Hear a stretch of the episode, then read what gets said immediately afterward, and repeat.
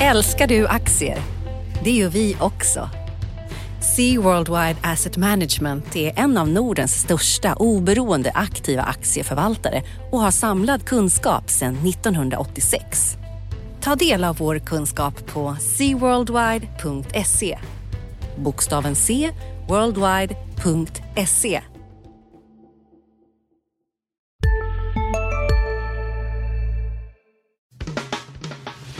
Analyspodden från Dagens Industri. Hej allihopa och välkommen till veckans avsnitt av eh, Analyspodden med mig Ulf Pettersson och Agneta Jönsson. Hej Agneta, hur, hur, hur är det med dig?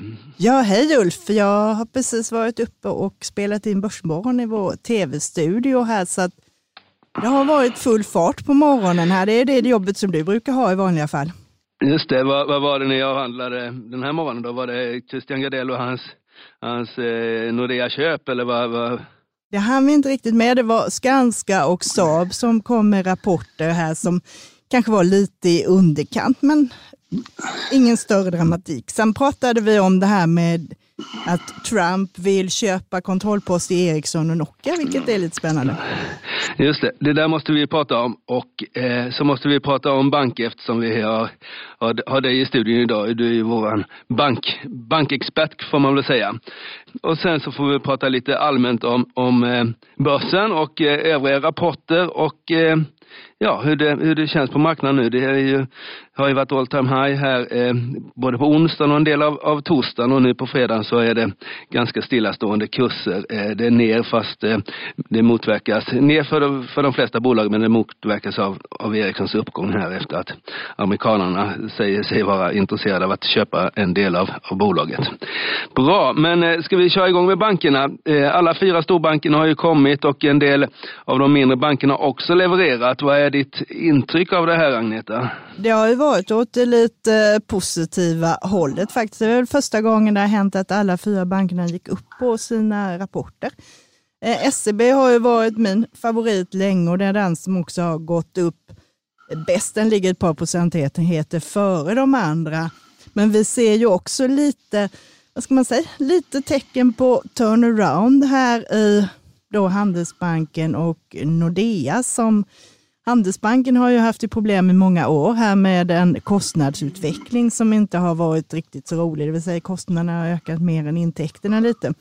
Mm. Och nu fick de ju en ny vd eh, förra året här eh, och eh, som la fram en plan i somras hur man nu ska få ordning på de här grejerna. Och det ser man nu att man för första gången på länge jämför fjärde kvartalet mot fjärde kvartalet föregående år så ligger kostnaderna i princip still samtidigt som intäkterna ökade här. Så att det du fick där då var ett rörelseresultat som var 8% bättre än analytikernas förväntningar. Mm. Och det var inte så dumt. Handelsbanken är ju som vi vet en så här, eh, bolånebank eh, och har mycket eh, utlåning och det gör ju att räntenettot svarar för 71 procent utav eh, deras intäkter. Eh, och de till skillnad då mot kollegan Swedbank, de var ju tidigare ungefär jämstora, ungefär med en fjärdedel av bolånemarknaden vardera. Mm. Swedbank hade det motigt. De lyckades bara växa sin nyutlåning med runt 12 procent.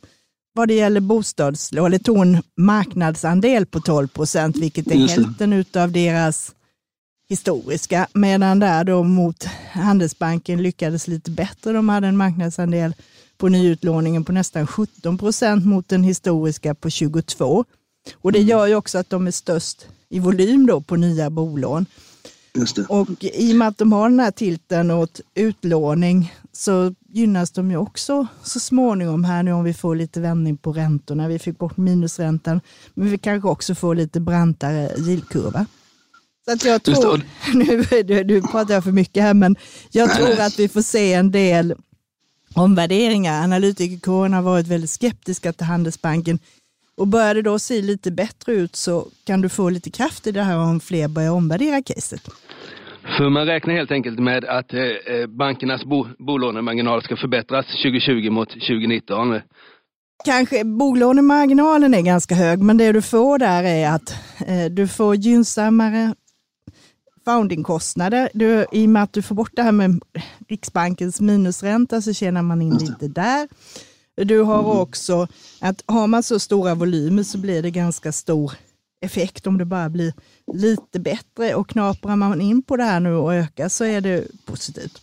Och de gick också bra vad det gäller nyutlåning eller nya nysparande i fonder där de också tar faktiskt mer marknadsandelar än vad de hade historiskt. Och det är också sånt lite självspelande piano här om volymerna ökar, börsen går bra, det trillar in mer mm. pengar. Även om fondavgifterna i procent är lägre än de har varit historiskt eftersom många väljer indexfonder och blandfonder och sådana här grejer. Just det.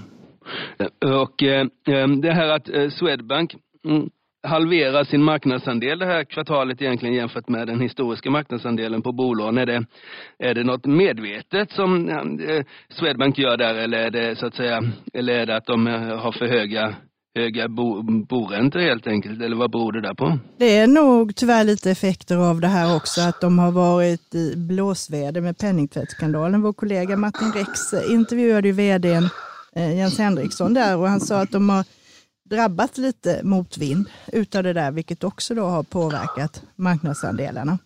Mm. Och sen är det ju också att man inte vill priskriga, så att säga. Det är ju, det är ju inte så svårt att ta marknadsandelar om man sänker räntorna, så att säga. Men mm. det är man inte så pigga på att göra, så det ska ju vara en balans mellan liksom, volym och marginaler. Just det. Och eh, om du skulle sammanfatta de här fyra storbankerna, vilken tycker du eh, överraskade mest och vilken ser intressantast ut ur ett eh, aktiemarknadsperspektiv eh, kommande året?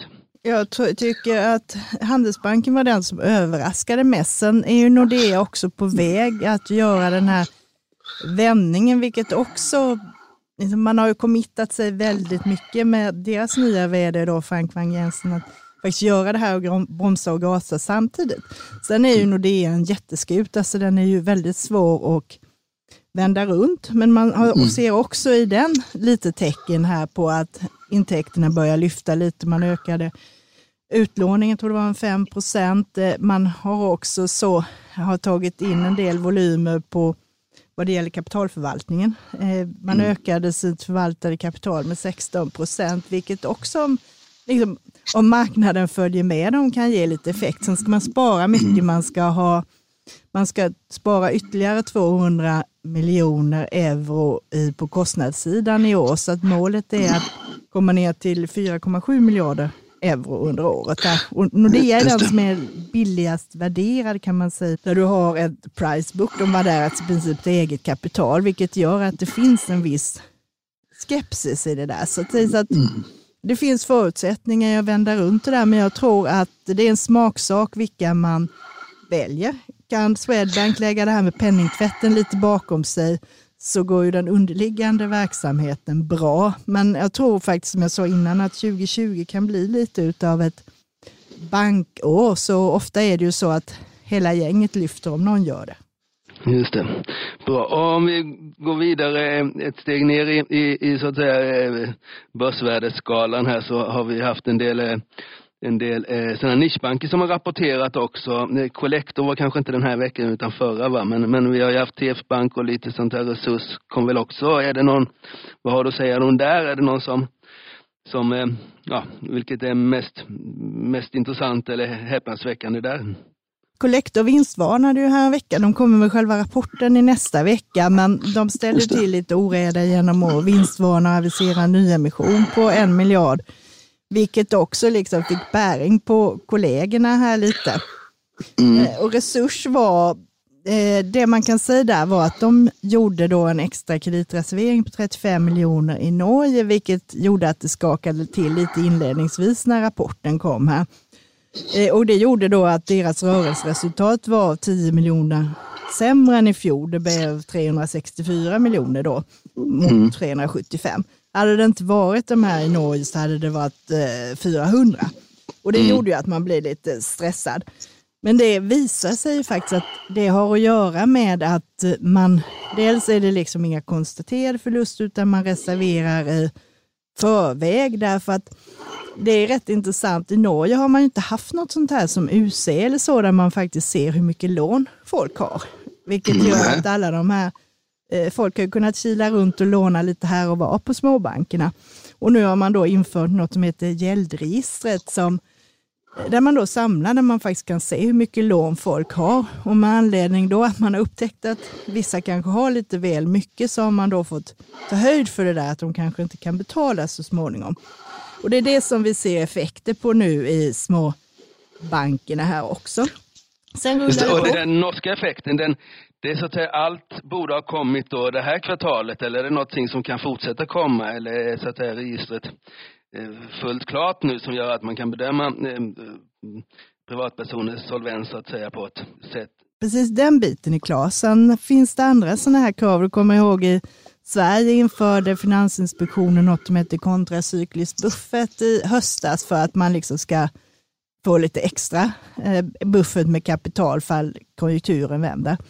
Eh, mm. I Norge gör man något liknande, man inför något som heter systemriskbuffert, vilket också drabbar de här som har liksom lite eh, utlåning i Norge. Eh, men mm. Resurs ser bra ut, de har de pengar de behöver. De gjorde en, en emission på 300 miljoner där de tog in eh, sånt där högriskkapital kan man säga i, innan årsskiftet och de gjorde också ett aktieägartillskott. Så att de har de pengar de behöver. De rullar på och tjänar som förväntat och eh, de höjde sin utdelning också så att de delar ut två gånger per år. Så man får 2,10 nu på våren och så fick man 1,80 i höstas vilket på den här nivån ger en direktavkastning på 7 procent. Så jag tycker resurs känns komfortabelt. Eh, det handlas på P8 på innevarande år.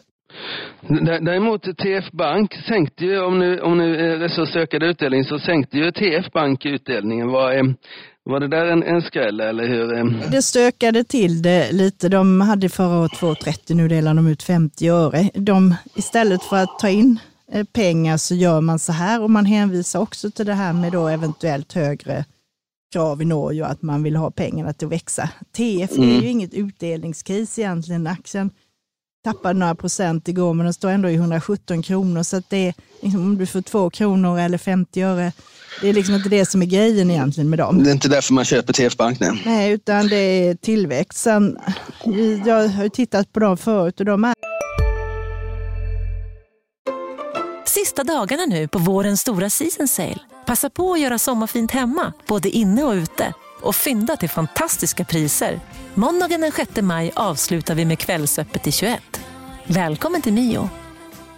Med en värld i gungning blir det viktigare än någonsin med kunskap och diskussion. Att värna det fria ordet, för livet och demokratin. Så när du trodde att du visste allt, har vi alltid lite till. Privata affärer plus allt All journalistik du behöver, samlad. Prova en månad gratis. Är ju, deras mål är att de ska ha 14,50 i vinst per aktie i år. Och det skulle mm. göra också att du får ett sånt här P-tal på 8. I, mm. De tjänar 9 kronor i eh, förra året och de växer väldigt snabbt. Deras utlåning lyfte 46 procent förra året och det låter ju gigantiskt om vi jämför med storbankerna. Ja. Men de är också sådana att de kan bromsa in ganska snabbt om de skulle behöva därför att det är väldigt korta krediter. Ja, vad, vad, är det för typ av kredit egentligen i TF Bank? Är det konsumentkrediter eller sådana här på några månader eller, vad, eller vad är det för? Precis, det är, framförallt är det konsumentkrediter men de är inte så stora. Det är, nu kommer jag inte ihåg exakt snittbeloppet men det är i alla fall under 100 000. Det är 30-40 000 som folk betalar av på 18 månader och sådär. Och sen är det också så butiksfinansiering så att säga, man lierar sig med e-handlare och sånt där så att du kan köpa varor på kredit och den typen av grejer. Och de är också stora, växer ganska bra i Baltikum och de egentligen i hela Norden utom Sverige där de faktiskt går ganska flatt, där konkurrensen har varit lite hård. Men eh, mm. så det är den minsta, men det är okej. Den har ändå utvecklats väldigt starkt. Jag tror det kanske blir lite lugnare, men Eh, det är fortfarande ett bra case.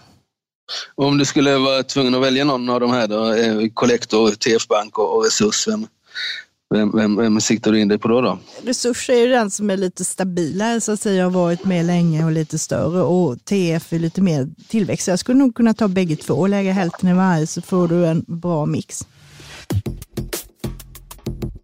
Vad har du på din front då? Har, du har ju massor med bolag. Ja, eh, det har varit massor av bolag. En eh, rolig rapportsäsong även denna, denna gång. Eh, det man kan säga är väl att jag tycker att verkstadsbolagen generellt, då, det började ju lite halvskakigt med, med Atlas Copco som faktiskt har gått ganska dåligt senaste tiden. Den, den har tappat en 10 procent eller sådär. Men eh, annars så tycker jag väl att verkstadsbolagen håller uppe sina marginaler eh, väldigt bra så här långt i, i nedgången. Eh, det man också kan ta fasta på under rapportsäsongen om man ska försöka göra någon slags sammanfattning är väl att, att eh, det verkar som att bolagen räknar med att det har bottnat en del, att, att den här det här fallet som vi egentligen har sett i, i ett år nu eh, ser ut att ha bottnat. Tydligast var väl kanske Hexagons VD där, men även, även, även de andra bolagen. Det är väl inte så att de liksom vågar säga att nu vänder det, men, men att men att, att det inte är något fritt fall längre, det kan man väl mm, se då. Eh, och sen får vi se hur marginalerna utvecklas framöver här. Men än så länge så tycker jag att de har hållit igång marginalerna bra på de flesta håll. Eh, och vi har ju sett också på kursutvecklingen som har varit stark för verkstadsbolagen, många av dem i alla fall vad det gäller eh, eh, i samband med rapportdagen. Det man också kan notera är väl att många av de här som har gått väldigt starkt, om vi tar liksom de här hög p talsbolagen Lifco, Vitrolife, många av de där har hamnat i medicinteknikbranschen. De, de hade svårt att, att, så att säga, försvara sin, sin höga värdering här, utan det har varit en, del, en ganska rejäla, rejäla kursfall. Eh, men eh, mer så är det väl, eh, ja, vad är det mer som sticker ut i, i rapport perioden. Det, finns en del sådana här turnaround som inte har gjort någon turnaround som jag har skrivit en del om. Gunnebo eh, gör ju förlust här och det, det var inte roligt att se och ITAB gjorde också förlust. Så många av de här eh, som har varit med ett tag på börsen och som är lågt värderade eh, verkar vara låga, lågt värderade av en, av en anledning, det vill säga att de har svårt att, att vända, vända affärerna. Eh, annars så tycker jag väl eh, eh jag håller med dig om att bankerna kom in bra allihopa och, och Nordea steg ju 5% trots att de var sist ut och man borde så att säga ha, ha, ha insett att även, även Nordea skulle bli bra. Men, men det som sticker ut där är ju den här kostnadsfokuset och eh, eh, egentligen i alla banker så räknar det är ju ingen bank som räknar med stigande kostnader längre utan alla ska ju ha oförändrade kostnader eller som du sa eh, Nordea minskade kostnader och det där, det där är ju eh, det där kommer nog göra att bankerna kan ha en fortsatt god utveckling 2020 även om de har börjat året väldigt bra med en uppgång på 8-9 procent sådär aggregerat. Eh, annars så tycker jag eh, det som du pratade om eh, på Börsmorgon här är ju intressant och kanske med eh, Ericsson och eh, amerikanska justitieministrar och eh, eh Christer Gardell och, och industrivärlden och sådär om det skulle liksom bli någonting. Det låter ju otroligt att att, att eh, amerikanska staten skulle gå in och köpa mycket de vill ha 10 eller 20 procent av Ericsson, men jag, de skulle säkert kunna få loss sina aktier för det, det är väl allmänt känt att Fredrik Lundberg eh, inte när han tog kontrollen över Industrivärden så var väl inte Ericsson-aktierna de han älskade mest och han kan säkert tänka sig att sälja om, om han gör amerikanare en tjänst. Det är väl inte så dumt att vara kompis med, med amerikanare om man dessutom äger en bank. Eh, och eh, Eh, Christer Gardell säljer ju också sina aktier om han får bra betalt så det där är intressant för att se hur Investor, Investor agerar men de vill väl också vara kompisar med USA men å andra sidan så är det ju problem för då har ju Ericsson valt valt en tydlig sida i den här konflikten mellan Kina och USA. Ericsson har ju... Precis, men å andra ett... sidan, är Ericsson kan ju inte hjälpa att någon köper deras aktier. Liksom. Nej, det kan man inte göra, men nej precis, utan det kan de ju inte göra. Det är ju fritt, fritt att handla aktier för, för alla. Vi har ju inga... Det var ju länge sedan vi avskaffade äh, fria och bundna aktier. Det var ju på 80-talet som, som vi höll liksom utlänningar borta från aktierna på så vis. Men, så det går ju inte att göra, men det är klart att den indirekta effekten om om USA skulle gå och köpa eh, 20 procent av Ericsson, det är klart att, att eh, den här framväxande marknaden i Kina blir lite svårare att hantera för, för, för, eh, för Ericsson. Då. Så jag tror inte Ericsson, jag tror inte, Börje Ekholm vill nog inte göra det i första hand. Då. Men som sagt var, USA är ett stort land och ett viktigt land och de gör väl lite som de vill. De har ju sett hur de sätter böter på, på bolag och sådär. Så det, det där är intressant. Det verkar som att marknaden, så vet jag inte, men Ericsson-aktien är ju faktiskt upp här 3 på fredag förmiddagen. Så, så en del handlade i alla fall på den här nyheten. Precis, det gör ju också, tycker jag, att eh, de har, man har ju tidigare pratat om det att eh, liksom Ericsson ligger bra till för de amerikanska orderna. Så här, det här är ju liksom ytterligare ett statement att det faktiskt är så. Med de här uttalandena så är det ännu större chans att det är Ericsson som får leverera om man säger så. Precis. Och sen var det ju, sen, nu pratar vi mycket om Ericsson, men det var väl inte så att de eh, pinpointade just Ericsson och sa jag Ericsson eller Nokia, så det kan ju, ja, och de, och de har ju redan gjort affärer med amerikanerna när de sålde iväg sina telefoner till Microsoft för, för länge sedan. Eh, så ja, vi får se. Det är intressant i alla fall. Och sen så, så tycker jag det ska bli intressant i, nu har det varit väldigt fokus på, på, på, på rapporterna här. Eh, det har varit fokus på coronaviruset, men där hade vi ju den här nedgången som vi såg för ett par veckor sedan har ju, har ju stillats rejält. Eh, men det är inte säkert att det är över för evigt utan det kan ju dyka upp igen här beroende på hur det utvecklas. Men för varje vecka som går att, så, så minskar väl risken för en ny coronasmäll på börsen. Men det får vi väl se här. Eh, sen har vi ju intressant sysselsättningsstatistik som nog kan avgöra eh, fredagens handel i USA här där man förväntar sig 160 000 eh, nya jobb då. Det har varit väldigt svängiga siffror här både december och januari. Det kan ha att göra med, med, med det har varit lite strejker och lite allt möjligt och sådär. Så, så, eh, men 160 000 och klart kommer vi in högre än det så lär väl börsen eh, ta fart då, eh, och annars så, så, så faller den. Precis. Det kommer ju hända, nu är inte rapportperioden slut, utan det, eh, även om det lugnar ner sig så kommer det ju en hel del grejer i nästa vecka också. Är det något särskilt som du tittar på där? Ja, nu har jag faktiskt haft fullt upp med att titta på veckans rapporter, men eh, du kanske har listan framför dig på något på sätt? På måndag är det Nolat och den har jag för mig att du har tittat på förut i alla fall. Ja, det har jag ju. Jag satte sälj på den där eh, när, när håsen var som högst kring eh, e-cigaretterna och det där är en marknad som, som eh, det är ju inte så att det har blivit mindre, mindre diskussioner om e-cigaretterna eh, längs med här så det där kan nog fortsätta pressa lite grann. Och sen har vi Swedish Match som har gått strålande som kommer på onsdag. Den blir väl också spännande att se på?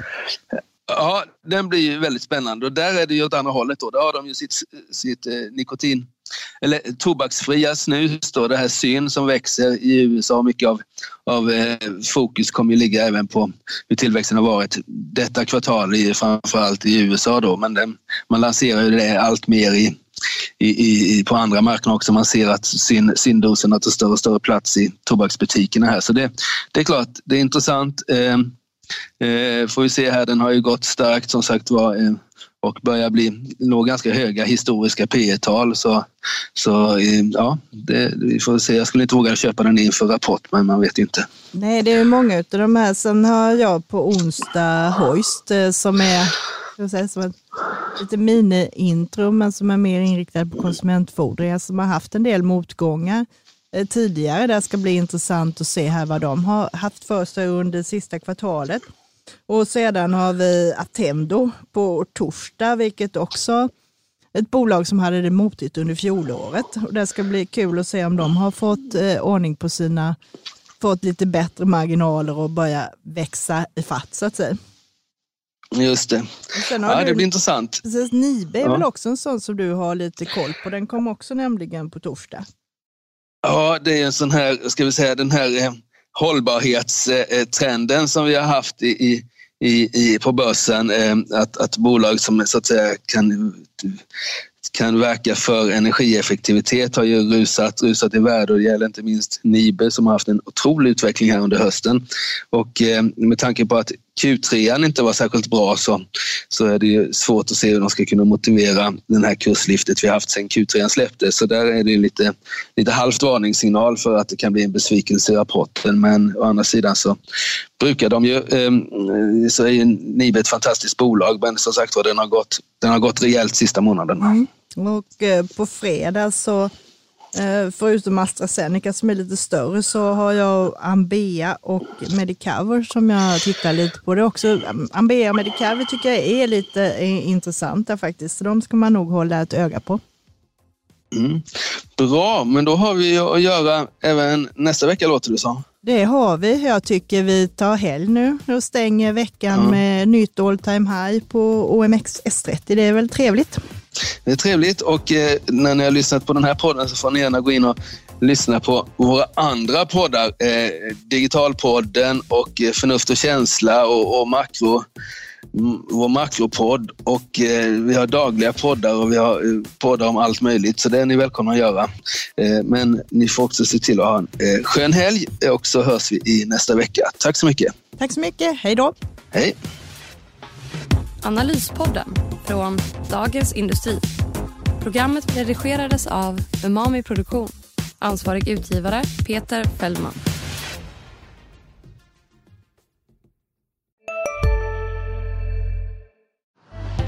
Älskar du aktier? Det gör vi också. Sea Worldwide Asset Management är en av Nordens största oberoende aktiva aktieförvaltare och har samlad kunskap sedan 1986. Ta del av vår kunskap på seaworldwide.se. Bokstaven C, worldwide.se